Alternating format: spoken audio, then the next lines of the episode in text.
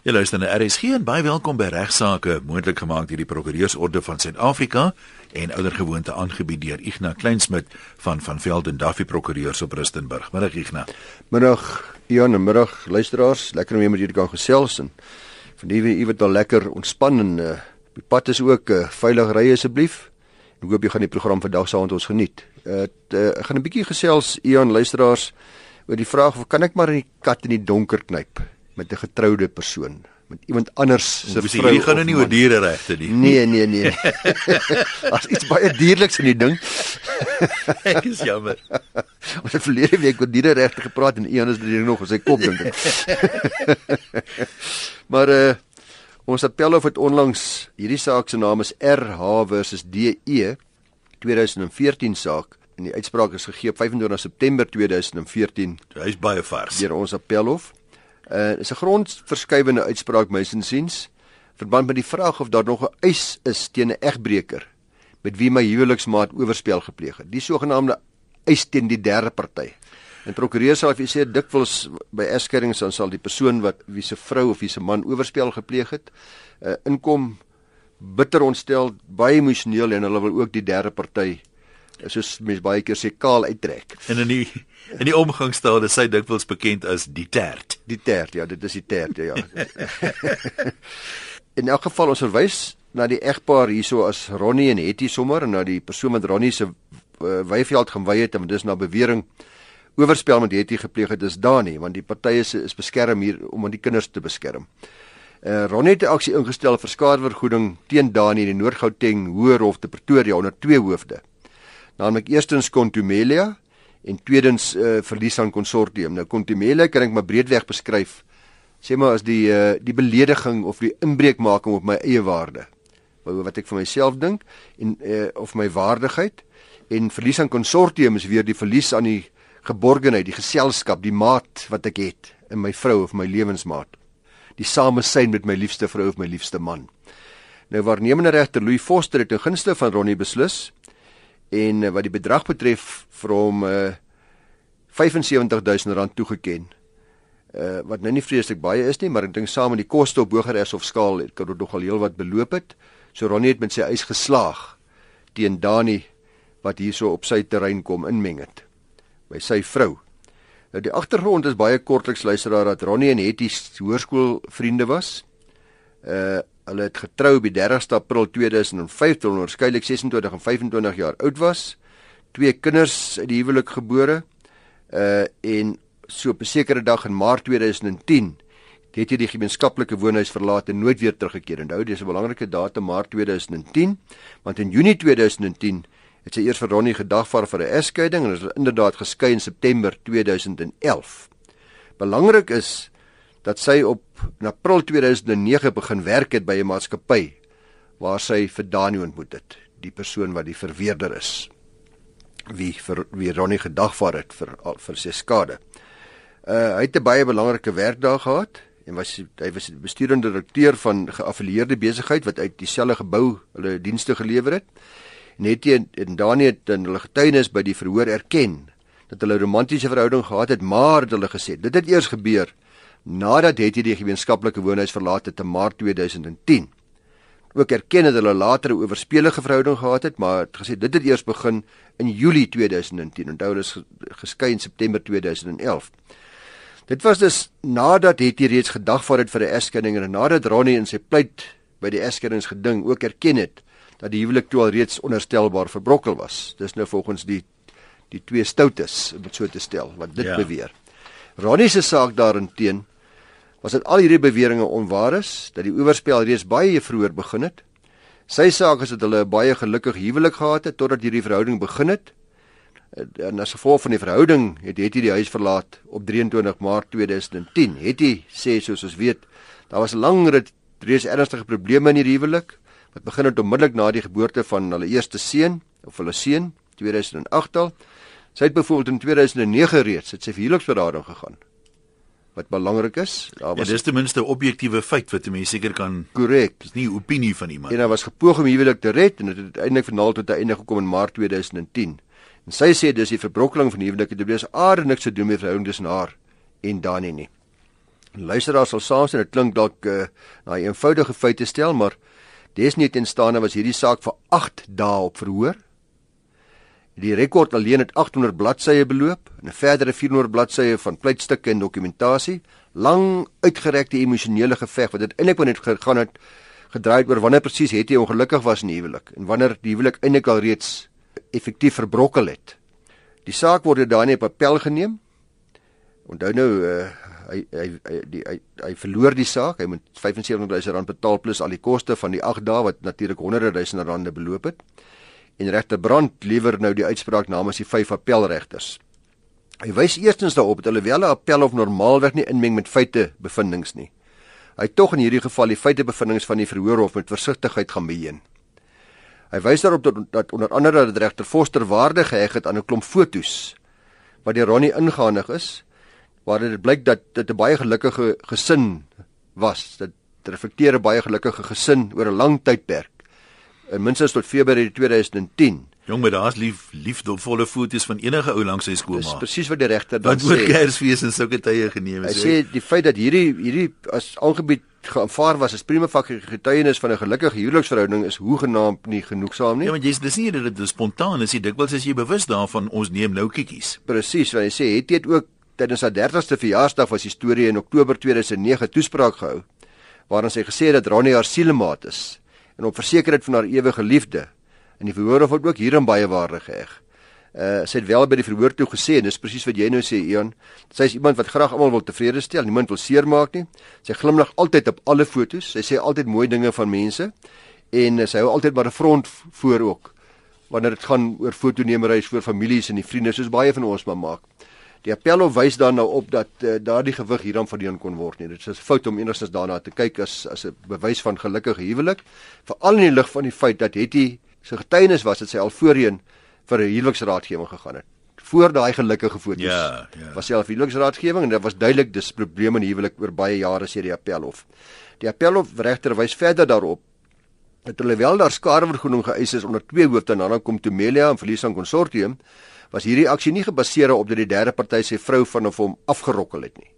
Want dis ook daar's is eintlik die mees bekende aksie. Ek sê wat is 'n afrokkelingsaksie.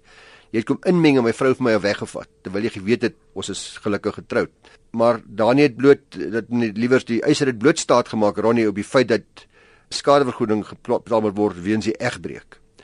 Die hof sê hy het in elk geval glad nie bewys dat daar 'n afrokkeling was nie en intedeel sê die hof die getuienis blyk baie duidelik dat, dat Daniel net eers aangetrokke geraak het tot mekaar as gevolg van wederwysige aangetrokkenheid en daar was geen sprake van afrokkeling op daardie stadium nie. Die hof sê sy was net sowel net soveel die prooi as wat sy die jagter was uh, wat in baie gevalle so is want jy kry dikwels dat die man is baie kwaad vir sy vrou maar al sy woede op die derde aan die ander party terwyl sy dikwels of vir die man terwyl daardie persoon eintlik maar die jagter was nie regtig die prooi was nie maar die ander huweliksgenoot wil graag wil liewers graag dink dat hy of ja. sy die prooi was belangrik is dat dit die hof sê dat wat al wat hier ter sprake is is wat was die gevolge van die oorspel Dit maak dus nie saak of die oorspel voor of na die verlating of voor of na die egskeiding was nie, wat was die gevolge? Nou vir my nogal interessant en dalk ietwat lagwekkend is dat Hetty en Dani het aangetoon dat hulle saam by 'n gesondheidsspa was in April 2010. Enkel jy moet nou hoor wat jy nou daarvan sal sê. Een, hulle het 'n enkel kamer bespreek. Hulle het die nag saam in die bed deurgebring, maar daar was geen sprake van oorspel nie. Nou ja. Junie 2010. Duidelik mense moet, jy weet, baie nee, stoere beginsels. In Junie 2010 het hulle weer 'n naweek deurgebring op Paternoster, weer 'n enkele kamer met 'n dubbelbed bespreek, weer saam geslaap, maar weer ontken dat hulle seksuele gemeenskap gehad het. Nou, ek dink die hof en almal wat luister vandag het dit waarskynlik moeilik vind om te glo. Ja, was dit maar meer om te spaar en kyk twee kamers is maar altyd duurder as een, hè. Maar die hof sê moet maar die sente omdraai. Maar die hof sê dat die datum waarop oorspel inderdaad plaasvind, dit slegs vir belang kan wees vir die eis van eh uh, contumelia, dis die vernedering of aantasting van my waardigheid en omdat daar gesag bestaan dat hierdie aantasting steeds kan plaasvind al het samewoning reeds beëindig. So die hof bevind dit eintlik dat die verhoor hof fouteer het om 'n eis toe te staan gegrond op verlies aan konsortium. Anderswoorde ek het my lewensmaat ontneem, maar die hof sê dat daar wel kritiek is teen sommige feitebevindinge, maar dat hulle wel na aksie kan kyk teen Dani vir contumelia. Dis hierdie oorspel wat my waardigheid aantas, uh, wat my uh, beledig. Uh want dit het plaasgevind op 'n stadium toe die huwelik reeds verbrokkel het, eh, dis nie absolute verweer teen hierdie eis nie. Dit maak nie saak dat dit eers later plaasgevind het nie. Die hof kom dan eintlik by die belangrike vraag wat hierdie saak van groot belang vir ons regspleging maak, Ian, naamlik of daar nog steeds 'n bestaansreg in Suid-Afrika is vir hierdie tipe aksie op grond van oorspel. En uh, die hof sê dat eerstens die aksie bestaan vandag nog op die stadium waar die uitspraak gelewer is, bestaan dit. En daar's baie gesag daarop. Die hof wys verder op dat howe het 'n plig om ons gemeenereg te ontwikkel. Soos bedoel in artikel 39 eh, subartikel 2 van ons konstitusie om sodoende die gees en die doel van menseregte ook te promoveer. Die hof sê verder moet die gemeenereg ontwikkel word om die verandering in sosiale, morele en ekonomiese aspekte van ons gemeenskap te reflekteer. Dis verkeerd om te volhard met regsreëls wat lankal nie meer sosiale substratum van Suid-Afrika dien of reflekteer nie. Die hof wys dan daarop dat om onregmatige te bepaal, daar baie noukeurige aandag gegee moet word aan die Boni Mores. Die Boni Mori is die sedelike gevoel van 'n gemeenskap of ook die regsoortuigings van 'n gemeenskap. En onregmatige dis 'n noodsaaklike element van intellektuele aanspreeklikheid. Die dinamiek sê die hof dan, nou kom hulle by wat sê ons? Wat is ons Boni Mores in Suid-Afrika oor hierdie soort van goederes? Die hof moet nou daaroor 'n oordeel vel die hof sê die dinamiek en veranderde aard van die norme van ons gemeenskap is van belang om te bepaal of 'n uitgegronde oorspel nog 'n bestaansreg het. Nou soos ek al voorheen in hierdie program aangedui het, is 'n aksie gegrond op oorspel gebaseer op die Actio Uniarum wat gekoppel is aan die huwelik as 'n instelling. Dis direk die huwelik as 'n instelling en daarom is oorspel eh, 'n moontlike eis vir skadevergoeding. 'n Ander voorbeeld daarvan is die verbreeking van die belofte om te trou of terwyl verlovingsbreek. Ek het al lank terug verwys na die saak van van Jaarsveld en Bridges so net Bridges. Ek onthou die saak. Ja, waar die appel op Guyana gekyk het en ook die reg ontwikkel het om te sê dis nie meer 'n grond uh, vir 'n aksie nie. As ook onlangs van die saak van Kloete versus Marits waar gesê is dat 'n eis vir verbreeking van 'n belofte om te trou nie meer 'n geldige eisoorsaak in ons reg uitmaak nie. Die vraag sê die hof nou is dieselfde ook van toepassing op 'n deliktuele eis gegrond op oorspel. Interessant om na te lees dit presies 100 jaar gelede. In die saak van Green versus Fitzgerald in 1914 appelhofsaak was daar besluit dat oorspel nie langer 'n kriminele oortreding in ons regstelsel is nie. So jy kan nie meer is nie meer 'n misdaad nie. Maar die vraag wat ons nou vandag vra 100 jaar later, is dit nou nog 'n grond vir 'n siviele eis? Daai besluit was destyds gegrond op die basis dat dit verval het weens onbruik. Niemand is meer aangekla van die misdaad nie en daarom uh, niemand het meer klagtes gelê nie. Die appelhof doen nou gevolglik moeite in die saak. En jy kan gerus is dis 'n lekker saak om te lees verwys na baie interessante sake, gee 'n goeie historiese perspektief. Die Romeinse reg het oorspel gestraf as 'n misdaad. In hulle geval was daar weer nie 'n siviele aksie gegrond op uh, oorspel nie. Die Romeins-Hollandse reg weer uh, was daar 'n siviele aksie, maar dit is ook nie baie duidelik nie, dis daar is onsekerhede. Die hof kyk ook na die Engelse reg, die Duitse reg, ander regstelsels. Wys daarop dat in Engeland 'n aksie vir oorspel teen 'n derde party deur wetgewing uitgewis is, deur middel van 'n wet in 1970 reeds. Nieu-Seeland en Australië dieselfde. Wetgewing het dit verander in 1975, Skotland 1976, Ontario, Kanada 1978 en later ook in heelwat ander provinsies van Kanada. In Amerika het dit ook in feitelik alle state tot 'n einde gekom.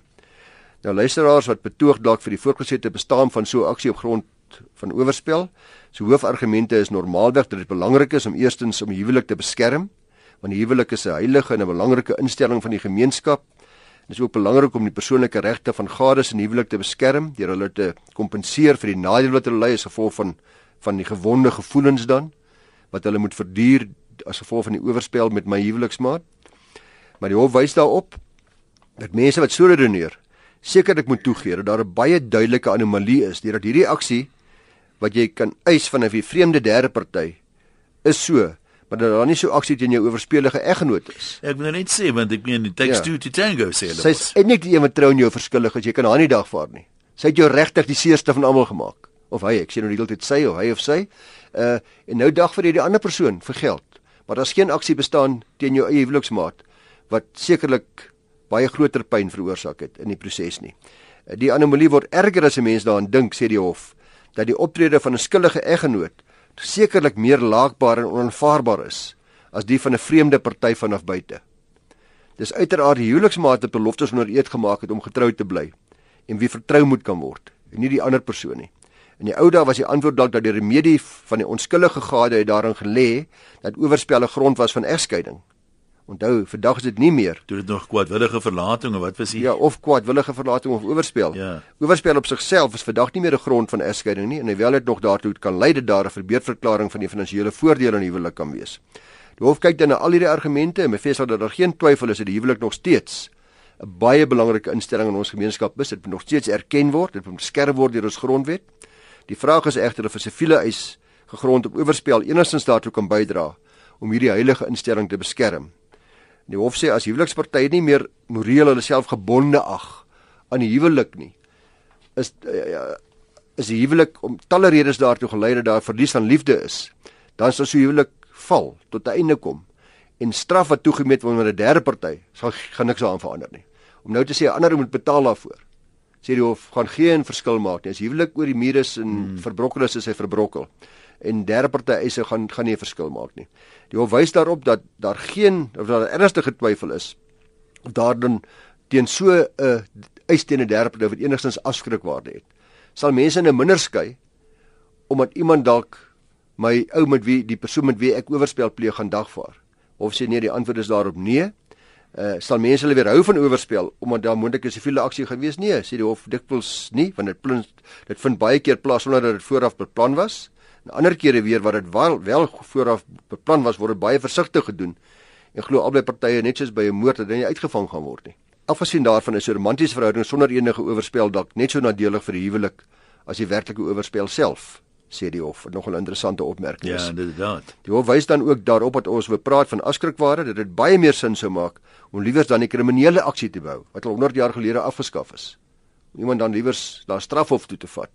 Dis laastens duidelik ook vir my as 'n eskeringspraktysyn, kan ek nie anders as om met die hof saam te stem nie dat oorspel dikwels die gevolg is van 'n huwelik wat lankal reeds verbrokkel het. Ek wil nou net dit gesê ek dink mense wil nou nie iets goed praat nie, ja. maar statisties, wat is die kanse dat jy nou werklik hierdie wonderlike huwelik het? Albei partye is gelukkig en een pleeg uit die bloute uit oorspel. Dit mag hier en daar nee, gebeur. Dit so. As dit nou weet vir party dames Brad Pitt is of ek sien moenie sê wie vir party mans nie, ja. maar die die statisties moet dit kan dit nie meer as 1% wees nie. Ek dink jy's waarskynlik naby aan reg want soos ek sê die dis baie selde die oorsaak van die verbrokkeling. Dis dalk dikwels 'n simptoom van 'n huwelik wat reeds baie ver aan die verbrokkel was. Oorspel is as jy gevolg en nie die oorsaak van 'n ongelukkige huweliksverhouding nie. 'n Ander doel van die aksie tot op hierdie stadium was om die onskuldige huwelik maak die huweliksmaat te vergoed vir die sogenaamde belediging. Die hof wys daarop dat selfs al sou die persoon wat te nagekom is beledig en seergemaak voel, dit nie 'n subjektiewe toets is nie, maar 'n objektiewe toets wat deur die gemeenskapsnorme beoordeel moet word. En die vraag is of die redelike waarnemer, dis nou ek en jy en wat almal luister vandag, die redelike man of vrou, soos ons almal, dit sou beskou as vernederend of degraderend as my huweliksmaat oorspel pleeg of iemand anders huweliksmaat oorspel pleeg want dit is 'n objektiewe toets wat ons almal sou dink wat die redelike man sou dink. Indien die antwoord daarop nee is, is daar geen gronde vir so 'n aksie nie. En die hof wys daarop dat die geskiedenis van hierdie aksie gegrond op oorspel maar dui op 'n baie argaïese oorsprong. Onder andere beïnvloed deur die Bybel se invloed soos gereflekteer deur die kanonieke reg dat 'n man en 'n vrou in huwelik geregtig is op die alleen gebruik van die ander se liggaam amper soos 'n tipe van 'n servitut op my vrou of my man se liggaam alleen reg wat ek het uh, op my man en vrou se seksuele dienste is amper 'n verpligting wat daar wederzijds op mekaar is as jy kyk na die ou kanonieke reg. Ja. Uh die appelregter sê dan ook en hy word bygestaan deur vier ander regters sê soos hulle dit sien het die tyd gekom vir die, ons reg om te erken soos wat gedoen is in harmonie met die meeste ander regstelsels in die lig van die veranderde sedes ook in Suid-Afrika daar goeie redes om te sê dat daar nie meer oortuigende argumente is vir die voortbestaan van hierdie aksie nie. En die hof sê selfs as sou ons argumenteer dat daar tog nog voordele is in so 'n aksie, sê die hof sê nadele baie groter as die voordele. Die hof wys op nadele soos onder andere dat jong kinders wie se emosionele ontwrigting gepaard gaan met hierdie tipe aksies en dit kan ek voor instaan. Hierdie aksies is hoogs emosioneel. Die gesin se verbrokkeling net nie op nie, die emosionele ontwrigting vir die wat veg met mekaar is dramaties. Jy het in 'n vorige program verwys na lastereise en hoe selde dit in iemand se belang is, want nou word als in die groot klok gehang en dit is by ouend erger.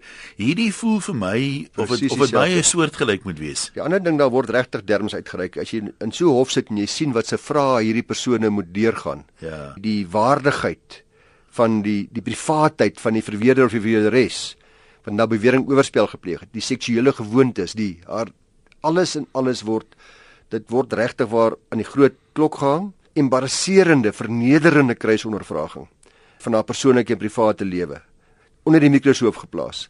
Ek dink baie keer dink daai mense, ag tog. En dan is die haat wat jy dan teenoor die ander persoon het dit veroorsaak, die eiser. Ek's klaar ja. geskei van hom.